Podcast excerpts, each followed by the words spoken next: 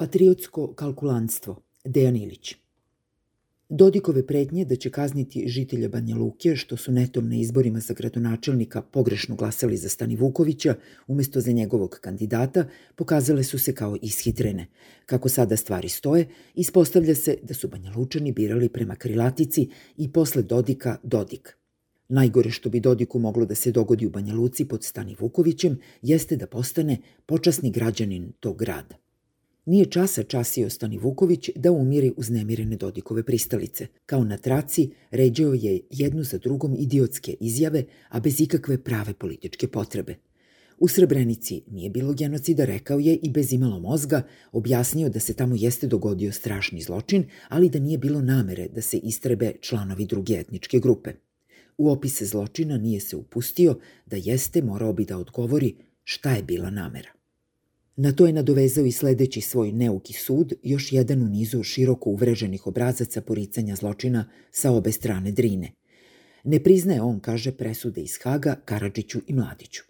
Iz toga jasno sledi izvod da Stani Vuković ne misli iskreno da su masovna ubijanja u Srebrenici uopšte i bila zločin, jer da jesu, što on tobože tvrdi, šta je onda sporno u tome da se za taj, kako Stani Vuković sam kaže, strašni zločin osude predsednik Republike Srpske, odnosno komandant njenih oružanih snaga.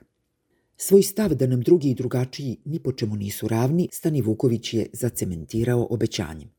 Dok je on na čelu Banja Luke, neće njenim ulicama hodati povorka pedera i lesbejki. Dobro, nije to rekao tim rečima, ali je baš tako mislio kada je upotrebio sintagmu gej parada. Onda je u Dodikovskom stilu još i zapretio. Hajde da vidim ko će to da organizuje u Banja Luci za mog mandata. Konačno, za Stani Vukovića kao za Dodika, Srbija je majka, a Kosovo i dalje deo Srbije. Da li se to Stani Vuković slepo baca u Vučićev zagrljaj, iz koga bi da istisne i onako preglomaznog Dodika. Tako se Stani Vuković pokazuje kao Dodik 2.0.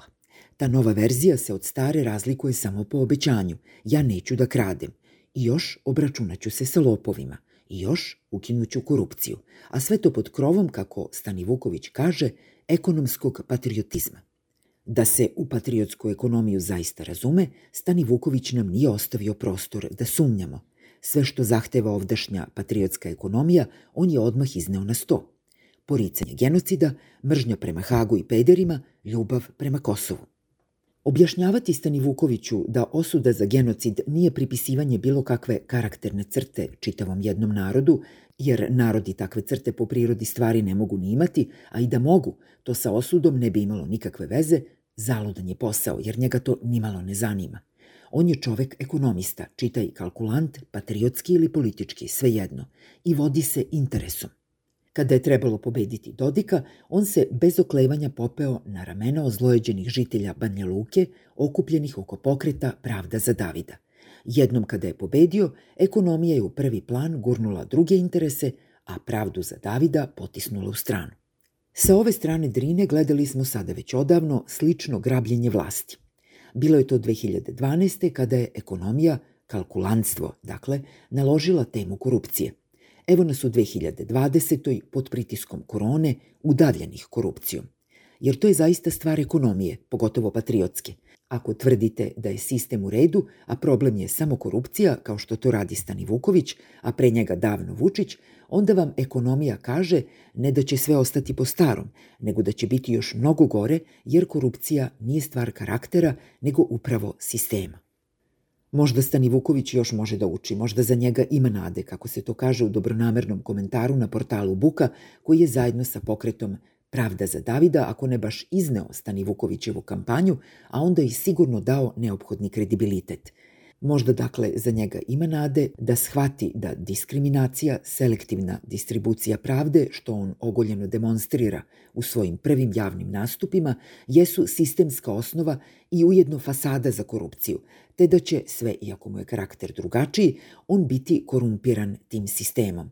Ali to se tiče Stani Vukovića i Banja Lučana. Za nas je čitava ta stvar poučna iz jednog očiglednog razloga – Političke kampanje protiv tekućeg režima u Srbiji koje počinju i završavaju korupcijom i svode se samo na korupciju, naprosto nisu dovoljne i ne obećavaju promenu. Sistem je nakrivo nasađen, diskriminatorski nastrojen i mora da se menja. Kao Vučić, i korupcija je simptom, a ne uzrok bolesti. Uzroci su dakle sistemski i moraju se kao takvi identifikovati uprkos tome što su simptomi tako upečatljivi i zapravo poražavajući.